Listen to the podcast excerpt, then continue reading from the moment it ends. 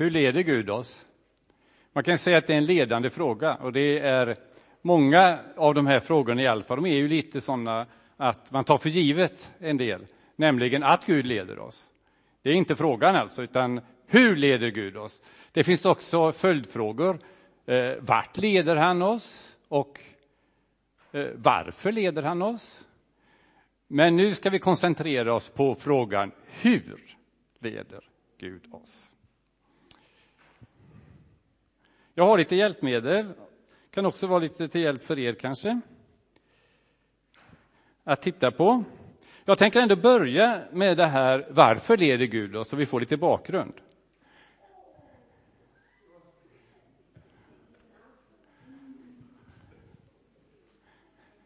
Ser ni detta lika bra som jag nu? Ja, bra. Eh, för att han älskar oss. Det är faktiskt så att eh, det är inte så väldigt bra alltid när vi försöker klara oss själva. Då blir inte livet så bra som det blir om vi låter Gud leda oss. Och han leder oss därför att han vet att det är bra för oss. Han älskar oss.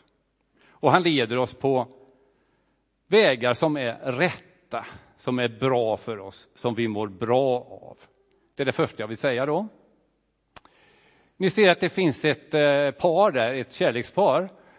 Och eh, jag har med det för att jag blir ofta påmind om det här vigseltalet som en präst sa precis efter när han hade vigt ett par så sa han så här. Ni ser väldigt lyckliga ut, det är bra förutsättningar, men nu börjar det svåra, nu börjar kampen. Och hela kyrkan är ju liksom nu, ah, vad, vad säger prästen? Och då säger han så här, ja nu har ni en härlig kamp framför er. Och den kampen består i att ni i den andra, er partner nu, ska ni försöka att locka fram det bästa, leka fram det bästa, men framför allt älska fram det bästa. Och det gör Gud. Han försöker locka fram det bästa hos oss. Kanske till och med leka med lite humor fram det bästa i oss. Men framför allt älska fram det bästa i oss. Det andra är att Gud faktiskt behöver vår hjälp. Jag tycker att den där lilla boken där, Gud och jag, och allt vi kan, står det. Allt vi kan ihop. Jag tycker det är fantastiskt att man kan ha en sån eh, bok för förskolebarn på förskolor i vårt land idag. Som material. Gud och jag. Alltså, jag behöver Gud och Gud behöver mig. Det är så härligt. Det är ju faktiskt så att vi är Guds kropp, Kristi kropp säger vi. Vi är hans armar, vi är hans ben, vi är hans händer, fötter, hjärna för att göra det som är bäst och som Gud vill i den här världen, här och nu.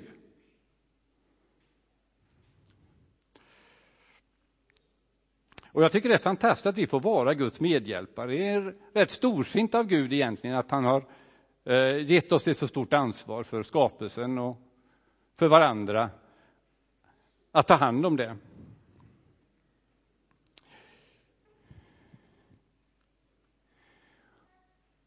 Och vi kan ju reflektera lite över det här.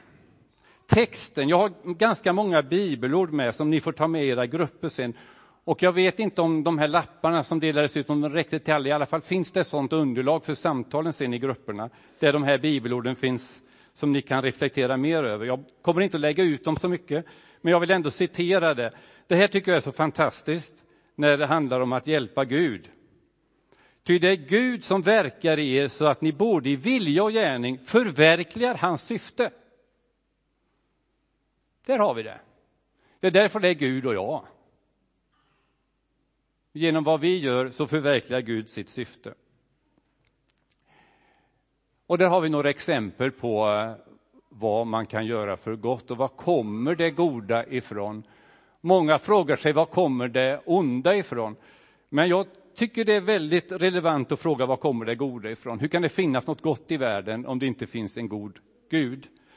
Och det reflekterade också den här filosofiprofessorn Eh, Anthony Flew, som var ateist i större delen av sitt liv, men sen kom på det här, Nej, men det finns så mycket gott i världen.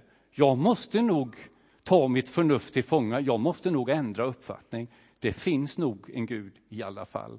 Och sen i mogen ålder, i min ålder, så ändrade sig denne filosofiprofessor och skrev en bok att det finns en Gud. Först var titeln Det finns ingen Gud, strukit över ingen och sen står det Det finns en Gud. Det är rätt häftigt. Gud finns i alla hjälpande händer, brukar jag säga. Eh, hur kan det komma sig att eh, sjukvårdspersonal åker ner till Afrika när det är en ebola-epidemi där och eh, riskerar sitt eget liv? Hur kommer det sig att man gör det? Det måste finnas något gott ändå. Och det är Guds händer, Guds fötter. Där har vi den här filosofiprofessorn. Ehm, och det har jag på... Jag har sju delar, tror jag, här. Där jag skriver vad Gud leder oss genom. Och då är det genom förnuftet. Och det var ju han som tog sitt förnuft till fånga efter så många år och insåg att, ja, på rent förnuftmässig grund alltså, filosofisk, vetenskaplig, logisk grund, så kom han fram till att eh, Gud finns. Så visst kan vi ledas av förnuftet. Vi är ju ändå Homo sapiens sapiens. Vet ni vad det betyder? Det är människan det, artmässigt bestämd. Homo sapiens sapiens. Det betyder den förnuftiga människan som vet att hon är förnuftig. Ja. Det är rätt fantastiskt. Det är därför det är två sapiens. Ni kanske inte har tänkt på det, men så är det. Det är den förnuftiga, kloka människan som vet att hon är förnuftig. Och det är ju rätt så bra att veta det. Men sen ska man använda förnuftet på ett gott sätt. Och det här är ju ett sätt att göra det. Då. Och så ska man ta sitt förnuft till fånga och så ska man lyda Gud. Det finns mycket att säga om detta. Det var ju det Anthony Flow gjorde.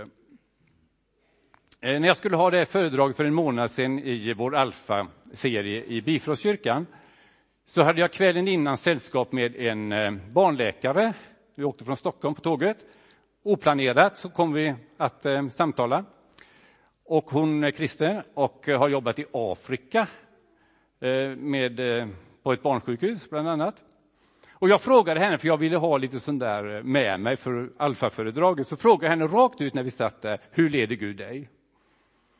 Ja, det är bra att kunna få en sån fråga och snabbt kunna svara. Jag tänkte att hon kommer att säga genom bönen och genom Bibeln och allt det här som de flesta säger. Så, ja, han leder mig faktiskt i mina tankar i arbetet och de idéer som jag får där.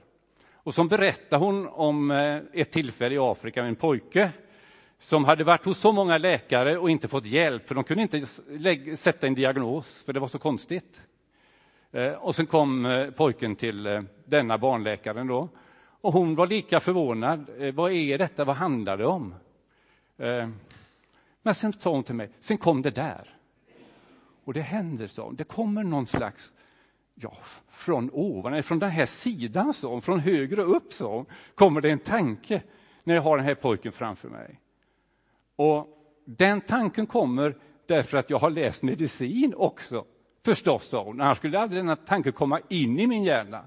Så det är mitt förnuft som Gud kommer in i. så. Och så, och så får jag tanken, kan det vara tuberkulos? Och då vi som inte är medicinare, vi förstår inte detta. Att tuberkulos kan ha så märkliga uttryck och symptom. Och det var det. Och han kunde bli botad. Gud kan leda oss genom förnuftet. Har vi samvetet där också? Ja, det har vi på samma. Gud kan leda oss genom samvetet. Och kan jag fråga er, var sitter ett samvete? Var sitter det i kroppen?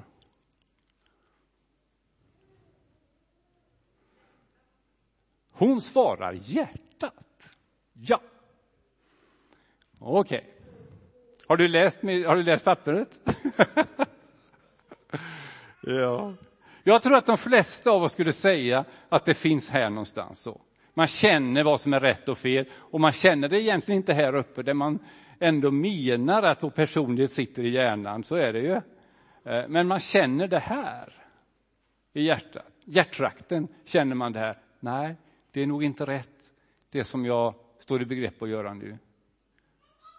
Så, samvetets röst, det har vi väl alla hört. Och då står det i Ordspråksboken 4 och 23 så här. Av allt som du ska bevara så ska du framför allt bevara ditt hjärta, ty därifrån utgår livet. Så det handlar både om känsla då och förnuft har vi pratat om, men känslan att göra det som är rätt. På engelska ligger ju detta eh, nära varandra, sense and sensibility. Och det är på något sätt ska vi ha både och. Vi ska ha förnuftet och känslan med oss. Eh, och Gud kan leda oss genom både och. Och det finns ny vetenskaplig forskning som jag tycker är lite spännande. Och det var någon som önskade få ut det i pappret, så ni har det på baksidan av pappret där. Eh, och det är från eh, Göteborgs-Posten för ett tag sedan under rubriken Vetenskap. Lyssna till ditt hjärtas slag. Och när jag läste det så tänkte jag, jaha, David, den som skrev den här salmen för, ja det är 3000 år sedan, nu har han plötsligt kommit på att han hade rätt i dessa yttersta tider. Att det, hjärtat har väldigt mycket eh, betydelse för vårt medvetande. Så, så har vi inte tänkt, vi har tänkt att det sitter i hjärnan. Men nu säger vetenskapen så här. Hjärnan skickar intelligent, hjärtat, förlåt, hjärtat skickar intelligenta signaler till hjärnan och påverkar hur vi tänker. Forskningen visar att vi kan må bättre, tänka klarare, fatta klokare beslut om vi lär oss att påverka vårt hjärta. Det är som taget ur Bibeln. Fokusera på hjärtat, står det. Lägg handen på området kring hjärtat, andas långsamt och lugnt i fem sekunders intervaller. Nu blir jag lite system i det här. Tänk på situationer och personer du tycker om och styr in tankarna på tacksamhet. Ibland har vetenskapen rätt. Och vi känner att det är både sense and sensibility, förnuft och känsla.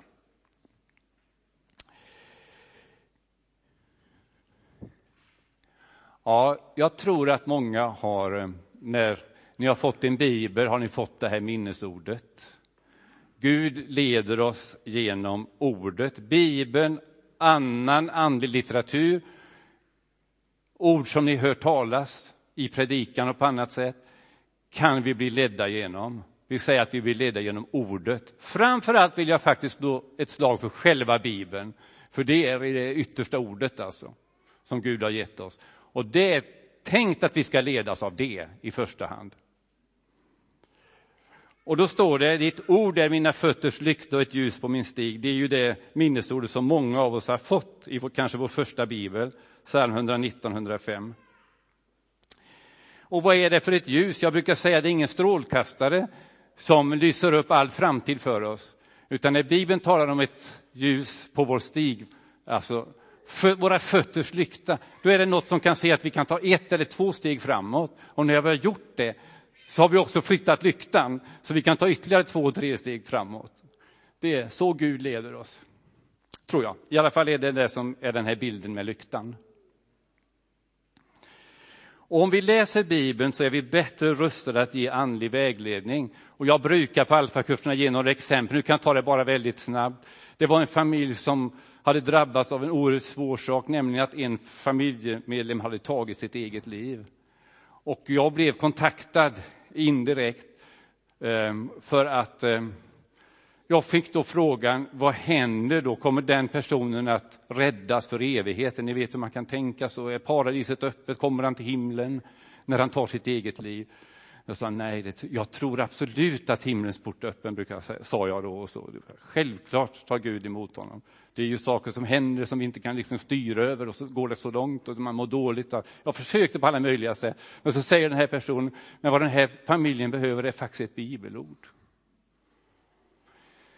Hade jag då inte läst Bibeln ganska mycket så hade jag säkert inte haft det här bibelordet så aktuellt för mig. Jag hade aldrig intills den dagen använt det här bibelordet för det syftet. Psalm 139. Om jag bäddade åt mig i dödsriket så är du ändå där. Vad innebär det att bädda åt sig själv i dödsriket? Ja, det är väl detta.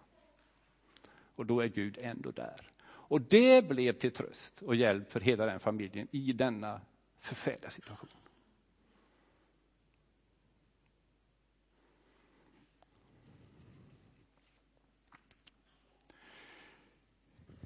Gud leder oss genom bönen förstås, närheten till Gud.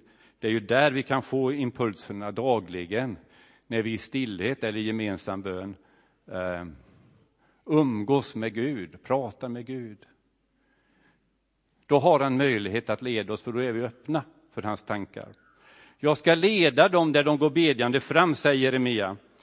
Eh, jag ska föra dem till vattenbäckar på en jämn väg där de inte ska stappla. Det handlar alltså om bön under rörelse i den här texten. Vi har ett mål, vi ber medan vi rör oss mot målet.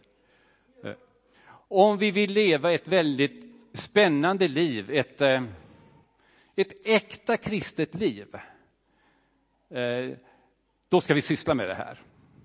Så känner jag. Kanske en stund på morgonen. Tala med Gud. Vad, vad, vad, vad har du för tankar om den här dagen och mig? Är det någonting, eller ska jag bara göra som vanligt idag? Ofta blir det ju en vanlig dag, så är det ju. Men det finns också sådana här tillfällen som glimmar fram. Och eh, jag kan ju helt kort ta ett sådant exempel också. Eh, sen ska ni ju ta era exempel i grupperna. Och jag har inte skrivit några andra frågor än det. Ni har massa exempel på hur Gud har lett er. Ta det som ett vittnesbörd efter lunchen. Det är det jag vill att gruppsamtalet framför allt ska handla om. Rent konkret idag. Eh, vad har hänt i era liv när Gud har lett er och på vilket sätt och så. Men nu var det ett litet exempel från mitt liv. Det var min kusin som hade ringt och sa att hans mamma låg på sjukhuset i Mölndal. Och eh, han bara tipsade att du kan ju hälsa på henne, min faster alltså då, vid något tillfälle. Ja, tänkte det gör jag väl. Och den här morgonen så kände jag då att eh, jag skulle nog göra det den dagen.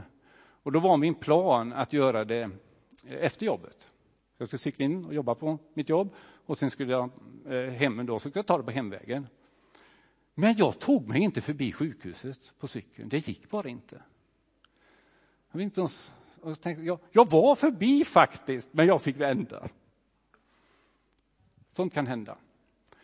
Det gick inte. Eh, och så kom jag in och frågade efter min faster. Visste ju avdelning och rum och allt. Och så kom jag till personalen och sa, är det du som är Ivar? Ja. Innan jag hann svara, som det du som är Ivar? Ja. Hon har frågat efter dig. Jag tänkte, ja, så var det väl då. Och så var det så att när jag kom in så var hon väldigt orolig, min faster. Hon var gammal och hon var över 90 då. Ehm, de ska flytta mig, sa hon. Och det är ju lite jobbigt för en äldre att få flytta till Östra istället då, av någon anledning. Och jag är så orolig. Och jag har bett till Gud att du ska komma. Det var, det var faktiskt så att hon hade nämnt mitt namn. Det var därför personalen visste det. Kommer, ni får vänta och flytta mig till han har kommit. Ja, ni förstår ju. Jag behöver inte berätta allt. Men jag fick en stund med henne och hon blev lugn och hon fick flytta till Östra. Sånt där händer ju inte varje dag. Men har ni sådana berättelser, dela det. Det är viktigt för oss att få höra det. Och sen har vi haft en hel dag om den helige Ande. Eh, så det ska jag inte säga mycket, för det vet vi ju. När han kommer, sanningens ande, då ska han vägleda er med hela sanningen. Det betyder inte att den som har tagit emot den heliga Ande automatiskt har hela och fulla sanningen i alla frågor. Men vi leds med sanningen och mot sanningen. Vi kommer närmare och närmare sanningen och längre och längre bort, bort ifrån falskheten som är sanningens motsats. Och det är väl också en sak som man kan faktiskt tänka på varje dag. Ta på er den här vapenrustningen nu. Eh, ta därför på er Guds rustning så att ni kan göra motstånd på den onda dagen och stå upprätt efter att ha fullgjort allt. Det är ju lika viktigt som att ta på sig de vanliga kläderna på morgonen, brukar jag säga. Att ta en liten stund och ta på er det här då. Det är kläder, en rustning, en hjälp. Det kan vi göra varje dag faktiskt. Jag är väldigt snabb när jag tar på mig mina kläder på morgonen. Eh, så det, inte, det tar inte jättelång tid, men jag skulle önska att jag tog minst lika mycket tid för det här.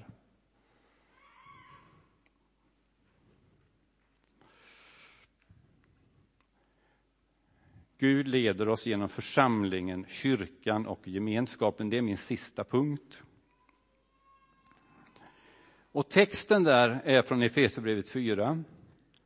Vi ska i kärlek hålla fast vid sanningen och i allt växa upp till honom som är huvudet, nämligen Kristus. Från honom får hela kroppen sin tillväxt. Så byggs kroppen upp i kärlek och den fogas samman och hålls ihop genom det stöd som varje led ger, allt efter den kraft som är utmätt åt varje särskild del.